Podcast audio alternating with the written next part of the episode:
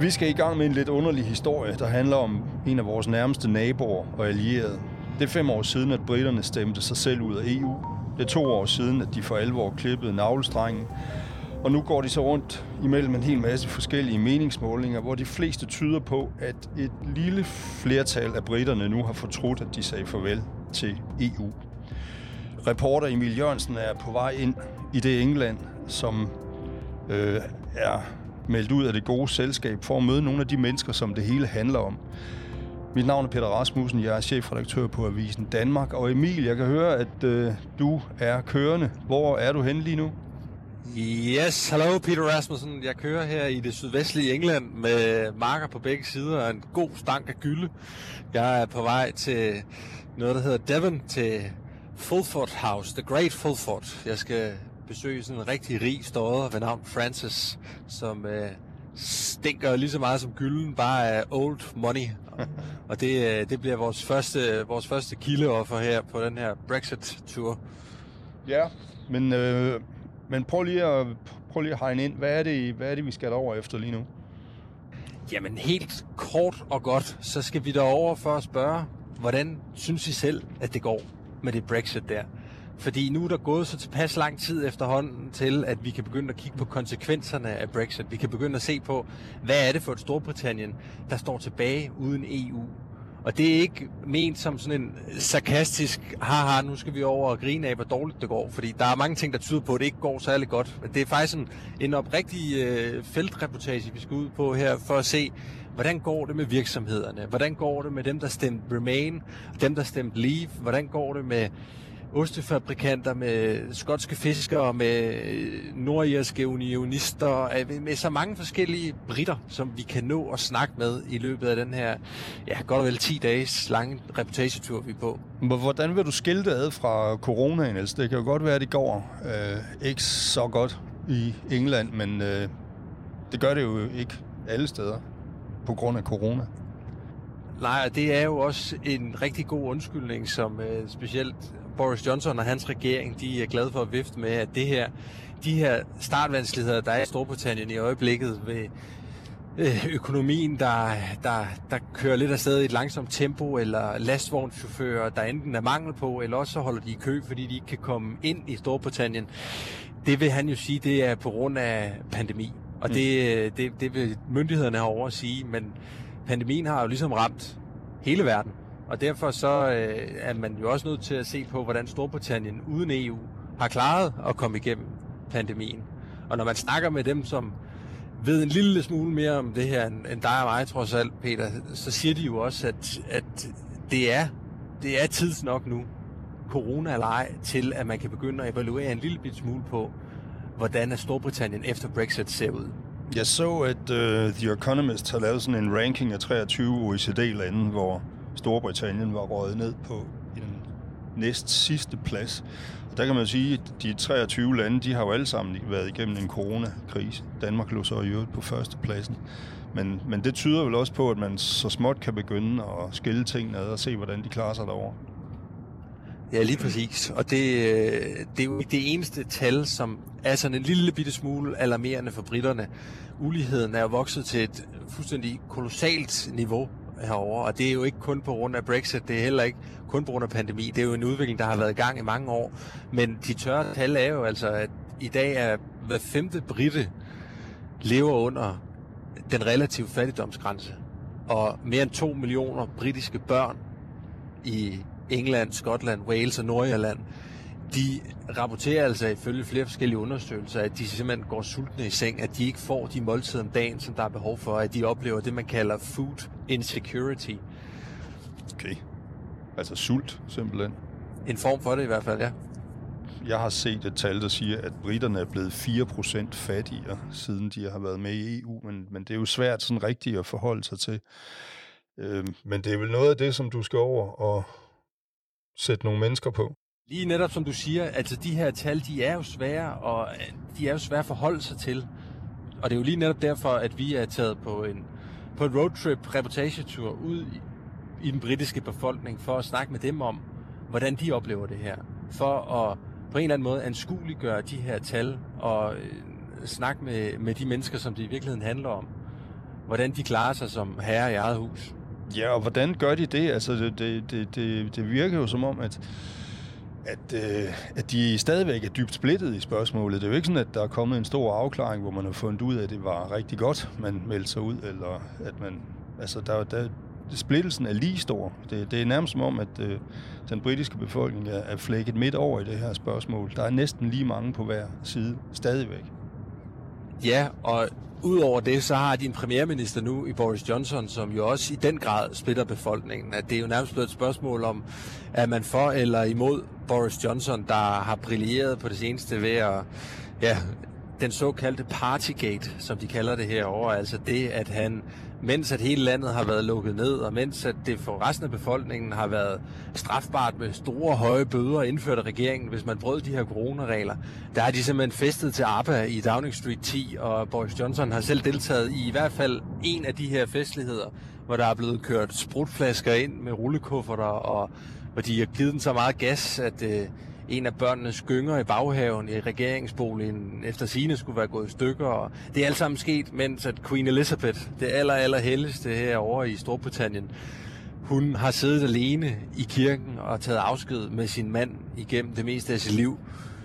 Og det har jo forarvet britterne, der udover inflation og udover den dårlige økonomi, så altså også kæmper med, om de overhovedet kan holde ud og kigge på deres premierminister for det, han har gjort. Så jo, der er i den grad noget, der, øh, der splitter befolkningen, og det, det som også øh, bliver talt om herover, det er jo, at udover, udover de øh, socialøkonomiske kriser, der er, så er der i høj grad også en identitetskrise i Storbritannien.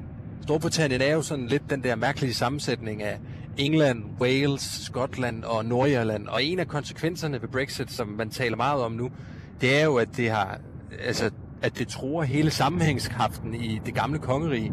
Skotterne, de drømmer om selvstændighed. Nordirerne, de er godt træt af, at man føler i Belfast, at man er blevet solgt for at kunne lave Brexit-aftalen. Altså man er simpelthen rykket den grænse, der var mellem Nordirland og Irland ud i det irske hav, hvilket gør, at, at Nordirland nærmest mere er en del af Irland, end det er af, af, af resten af Storbritannien. Så det, der er også et stort spørgsmål om det at være britte. Hvad, hvad er det? Hvem er britterne, og hvem er Brexit for?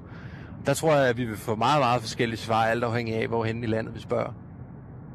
Men nu skal vi selvfølgelig ikke øh, tage duften af alle de reportager, du skal ud og lave, men hvis vi lige bliver hængende bare et øjeblik ved, ved Boris Johnson der, Altså, han, øh, han, han har jo haft sådan et... Han har haft en evne til at glide af på næsten alle, øh, alle, alle skandaler, men det er som om, at øh, teflonen, den er, den er slidt lidt tynd i øjeblikket. Det, det er begyndt at brænde fast på ham, når... Øh, altså, de griner ikke af ham mere. De, de er virkelig trætte af ham, lyder det som om. Der er en meget, meget kendt The Smiths sang, hvis det er et band, du er, du er kendt med. Det er et fantastisk Manchester-band, Peter, som hedder The Joke Isn't Funny Anymore. Og det er jo lige præcis opsummerende for, hvordan mange britter de har det med Boris Johnson i øjeblikket, fordi han har lige netop, som du siger, haft den her evne til at klovne sig igennem stort set hele sin politiske karriere, igennem Brexit og igennem alt, hvad han har foretaget sig. Og der må man bare sige, det virker til, at britterne, de har fået nok. For at bruge en slidt kliché, festen den er slut. Det han har gjort, det er simpelthen så utilgiveligt og forarveligt, mener et flertal af befolkningen, at lige nu, og den slags meningsmålinger skal man jo altid være forbeholdt med, men lige nu, der viser alle meningsmålinger, at tilliden til Boris Johnson, den er fuldstændig væk. Og eksperter og bookmaker også, som jo er nogle af dem, man skal stole mest på herover, de mener, at det er et spørgsmål om, det er ikke et spørgsmål om, hvorvidt Boris Johnson er færdig som premierminister. Det er et spørgsmål om, hvornår han er færdig som premierminister. Men altså, du siger, du er på vej ud til øh, den britiske landadel lige i øjeblikket. Øh, jeg ved ikke, hvordan de har det med Boris Johnson, men de har det vel meget godt med, øh, med at være sluppet ud af EU. Den mand, jeg skal ud til, Francis Fulford, og de fleste andre af de her ultrakonservative, sådan lidt halvadelige øh, tidligere medlemmer af det britiske aristokrati, de er store Brexit-fortalere. De har ønsket Storbritanniens storhed genopbygget igen. De lever ligesom i den her fortidslomme, er mit indtryk. Nu skal jeg ud og snakke med dem, så vi skal også passe på, at vi ikke foregriber historien. Men mit indtryk er, at de befinder sig sådan lidt i en, i en, i en tidslomme fra dengang for 100 år siden, hvor Storbritannien regerede over en fjerdedel af klodens befolkning og en fjerdedel af klodens landområde. Øh, som den her gamle, store kolonimagt. Og ham her, Francis Fulford, han har været en af Brexits og Boris Johnsons allervarmeste fortalere. Det har man kunne se i gamle klip og gamle avisartikler med ham, øh, og derfor er jeg meget, meget spændt på at høre, specielt sådan en som ham, hvordan synes han det går? Både med Brexit og med Boris Johnson.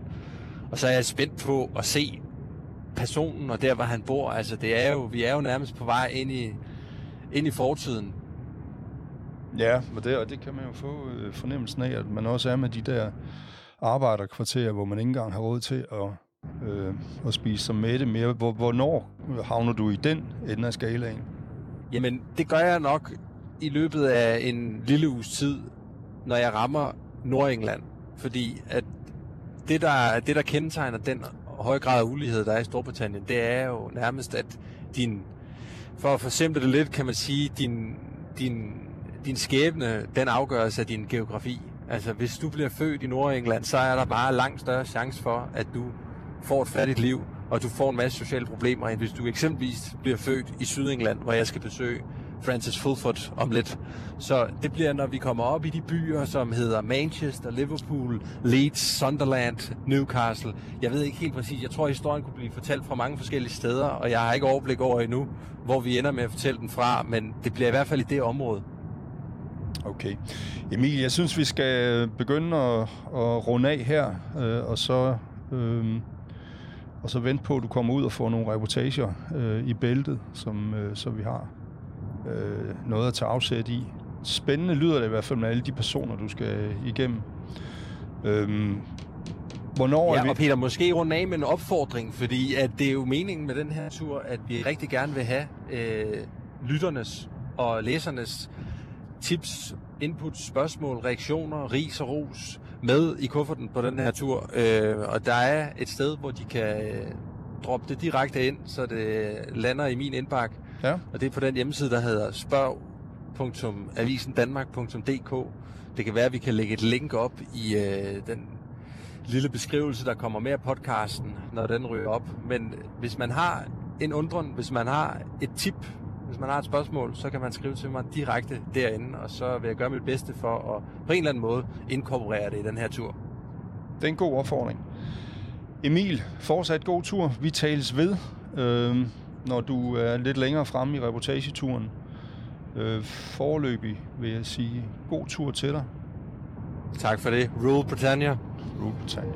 Mit navn er Peter Rasmussen. Jeg er chefredaktør på Avisen Danmark. Og vi laver en podcast mere om Brexit og Emil Jørgensens tur rundt til britterne i løbet af en uges tid.